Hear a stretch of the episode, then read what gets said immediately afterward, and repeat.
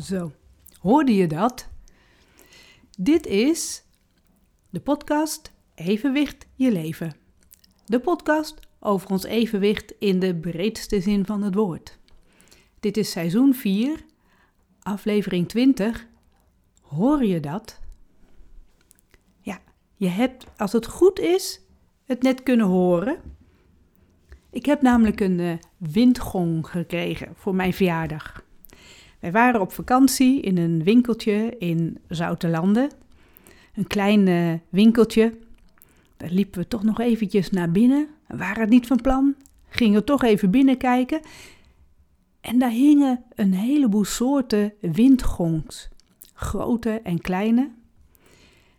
En toen heb ik zo'n hele grote, met hele lange buizen, heb ik aangetikt. Wauw, en dat klonk mooi. Echt ik had echt zo van, dit vind ik zo mooi, uh, geluid wat ook heel lang draagt. Dat, dat ja, zou ik wel in huis willen hebben, zou ik elke dag wel willen horen. Maar ja, zo'n hele grote uh, kost nogal veel. Maar ook, waar hang je zoiets? Waar kan je dit in huis hangen? Waar kan je dat buiten hangen? Nou, daar hebben we niet echt de plek voor. Toen zijn we verder gaan kijken en er hingen er een heleboel. Toen hebben we er eentje uitgekozen die wel hele mooie lage klanken geeft. En dat is dus deze geworden. Dat zijn zes klankbuizen van aluminium. En die zijn van uh, eh, 42 tot 60 centimeter lang. Allemaal verschillend van grootte. En middenin zit een soort rond blokje hout. En die tik je dan tegen de buizen aan. Of natuurlijk dat de wind dat doet. Hè? Eigenlijk een windgong is de bedoeling dat dat buiten hangt. Maar wij hebben hem gewoon in huis opgehangen. En ik vind het zo'n mooi geluid. Hè? Een beetje een rustgevend geluid. En heel vol, uh, sereen, uh, melodieus. En ik heb deze windgong voor mijn verjaardag gekregen. En toen hebben we hem opgehangen in mijn kamertje waar ik ook hier de podcast uh, opneem. En elke keer als ik daar nu langs loop, dan tik ik hem even aan. En ik heb ook al gemerkt, mijn man doet dat ook. En dan ben ik beneden en dan hoor ik hem zelfs. Wel als ik mijn in heb, dan hoor ik die klanken. Dus het zijn ook klanken die heel ver dragen. Juist die lage tonen. Ja, eh, een heerlijk geluid.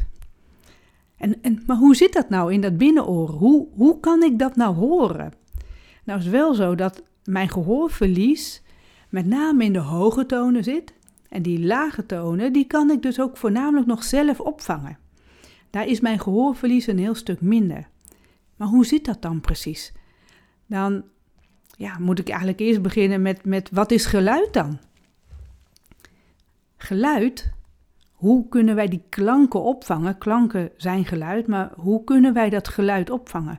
Geluid, dat is een verandering in de luchtdruk. De lucht die wordt verplaatst in golven en het oor die vangt dus die geluidsgolven op. En via onze oorschelp komt het in de gehoorgang. Het grappige is, als je handen voor je oren houdt, dan kun je je oorschelp zelfs nog vergroten en dan zal je ook horen dat het geluid heel anders bij je binnenkomt. Dat zie je ook wel mensen die niet goed kunnen horen en ook wel wat je vroeger zag als mensen uh, wat dover werden, dan deden ze hun hand aan hun oren. En dat doen ze om die oorschelp dus te vergroten, zodat ze meer die geluiden goed kunnen opvangen die die gehoorgang ingaan. En dat is dus het buitenoor. En in die gehoorgang, daar zit het, het trommelvlies. En dat trommelvlies, dat wordt in uh, trilling gebracht door die geluiden die van buiten afkomen. En die trillingen, van dat trommelvlies, die worden doorgegeven aan het middenoor. En in het middenoor, daar zitten drie gehoorbeentjes. Daar zit de hamer, het aanbeeld en de stijgbeugel.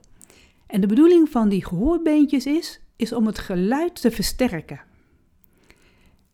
En die versterking van die geluiden, die worden dan weer doorgegeven, dat doet de stijgbeugel een van die gehoorbeentjes, die stijgbeugel geeft die trillingen door via het ovale venster, dus een soort vliesje, tussen het middenoor en het binnenoor. En dat vliesje, dat zit er niet voor niks. Dat is sowieso natuurlijk om ook eigenlijk in beweging gebracht te worden. En die duwt dan, die geeft die trillingen door aan een vloeistof in dat binnenoor. Dat is de endolymfe. En in dat binnenoor zit dus die hele endolymfe. Het is ook de bedoeling dat vliesje dat natuurlijk ook dat die endolymfe niet naar buiten kan komen. Dat die niet in het middenoor kan komen. Dat moet echt daar in het gesloten circuit van het binnenoor blijven. En dan, die vloeistof die komt dan, uh, wordt meer in beweging gebracht. Het beweegt altijd een beetje die endolymfe, maar die wordt dan nog meer in beweging gebracht. En door die beweging, die gaat dus door het slakkenhuis heen, wat in het binnenoor zit, en door de evenwichtsorganen. En in het slakkenhuis, daar zitten allemaal kleine trilhaartjes. En dit is het oorspronkelijke orgaan van Corti. Dat slakkenhuis, daarin zit het orgaan van Corti. Dat is waar we mee kunnen horen. Het is dezelfde werking als ook in de evenwichtsorganen, want er zitten ook allemaal kleine trilhaartjes. En ook die trilhaartjes worden door dus die uh, stroming van die endolymfe ook in beweging gebracht bij een beweging die we doen, een kanteling van het hoofd, uh, een, een uh, voorwaartse of een achterwaartse beweging, dan zijn ook die evenwichtsorganen die aangeraakt worden. En die kleine trilhaartjes, die worden door die endolymfe dan bewogen. En zodoende weten we, voelen we dat we dus in beweging zijn. Maar nu gaat het over dat oor, over, niet over het oor zelf, want het is het hele binnenoor, maar het gaat over het orgaan van Corti. Daarin zitten allemaal trilhaartjes, een heleboel. Er zitten wel zo'n 20.000 trilharen in dat hele slakkenhuis. En door die endolymfe, die, die stroomt daar dus helemaal langs. Daardoor worden die trilharen bewogen. En die geluidsgolven van buitenaf, die wij kunnen waarnemen, die zitten tussen de 20 en 20.000 hertz. Een hertz is een eenheid. Dat is de eenheid voor het aantal trillingen per seconde. Aantal geluidstrillingen. En hoe lager de toon, hoe minder trillingen per seconde.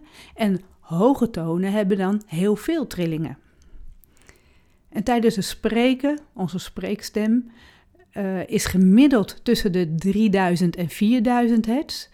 Maar er zijn mensen die ook uh, de, met 250 hertz, dus lage tonen, en zelfs 8000 hertz kunnen gebruiken, hele hoge tonen.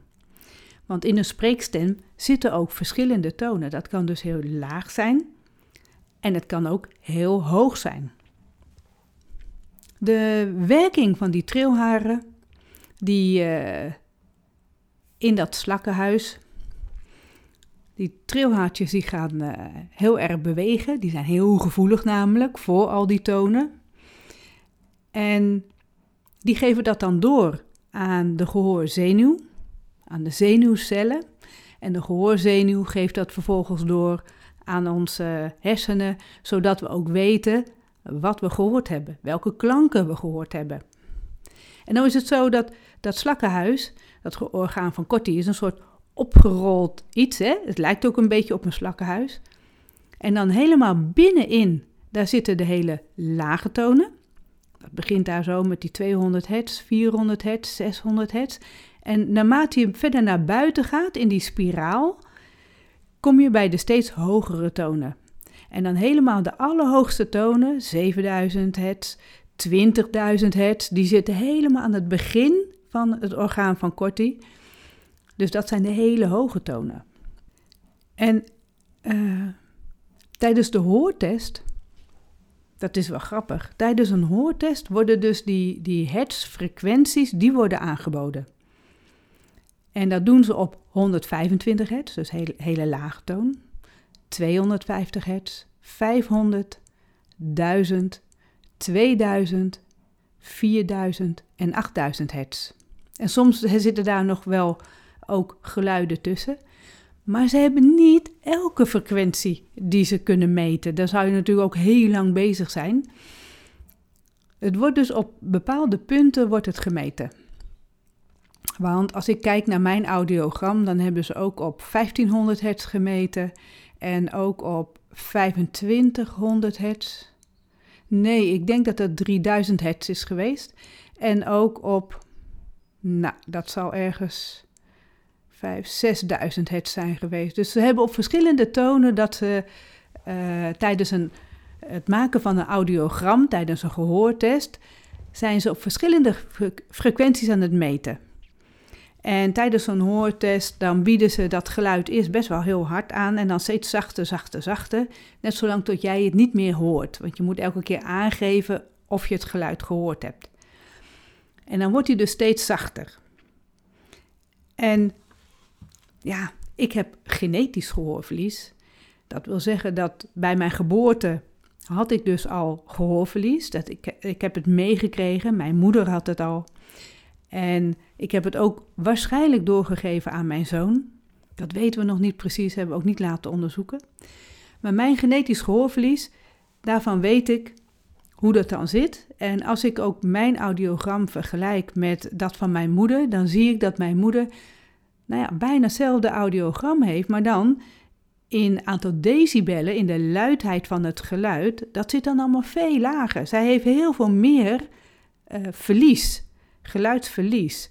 Bij haar zit dat, uh, zat dat, want ze is overleden, zat dat zo rond de 80 naar de 100 decibel. En dan, dan is het toch bijna volledig verlies dat ze zonder hoortoestellen eigenlijk helemaal niks hoorde. Nou, zover is het bij mij niet. Maar het frappante is wel, een nichtje van mij, die gaf aan van, uh, ja, ik hoor niet meer zo goed. En haar moeder had al gezegd van, uh, dan moet je eens bij Paula zijn, want die heeft ook gehoorverlies en die weet wat ze heeft. En toen heeft mijn nichtje mij gevraagd, toen heb ik als tip gegeven, ga naar de audition. eigenlijk nog liever naar een audiologisch centrum, want dan kunnen ze meer dingen gaan meten. En dan weet je of er bij jou gehoorverlies is en ook hoeveel gehoorverlies er is en hoe dat ook zit. De verhouding met de lage en de hoge tonen, hoe dan dat audiogram uh, gaat worden. Dan, weet je, dan kunnen zij meer daar uithalen. Ze heeft toen ook haar audiogram naar mij toegestuurd, toen ze was geweest in het audiologisch centrum. En ik zie haar audiogram. Toen heb ik mijn audiogram erbij gepakt toen ik een jaar of 50 was. Zij is nu 50 geworden. En echt, het leek nou, bijna exact op elkaar. Dat wil zeggen dat zij hoogstwaarschijnlijk ook precies hetzelfde genetische gehoorverlies heeft als wat ik heb. En dan weten we ook dat het komt uit uh, de kant van mijn, even kijken, van mijn opa, van mijn moeders kant en daar de vader van. Die had al gehoorverlies en die had al dat genetische gehoorverlies wat mijn moeder aan mij heeft doorgegeven maar wat die vader van haar ook aan de zus van mijn moeder heeft doorgegeven. En zodoende heeft mijn nichtje dat ook.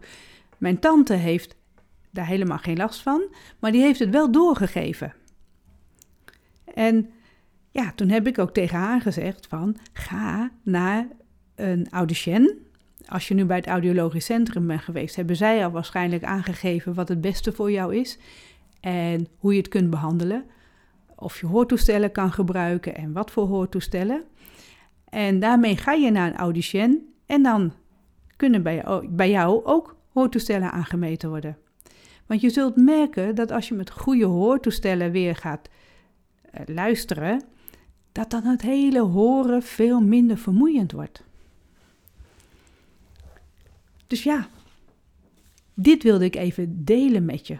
Hoor je dat? Het is eigenlijk heel toevallig dat ik uh, pas geleden uh, seizoen. Nee, ditzelfde seizoen, seizoen 4, aflevering. nou, de vorige aflevering, 19. Toen ging het over de zee in mijn hoofd. Over ja, allemaal geluid wat ik hoor in mijn oren.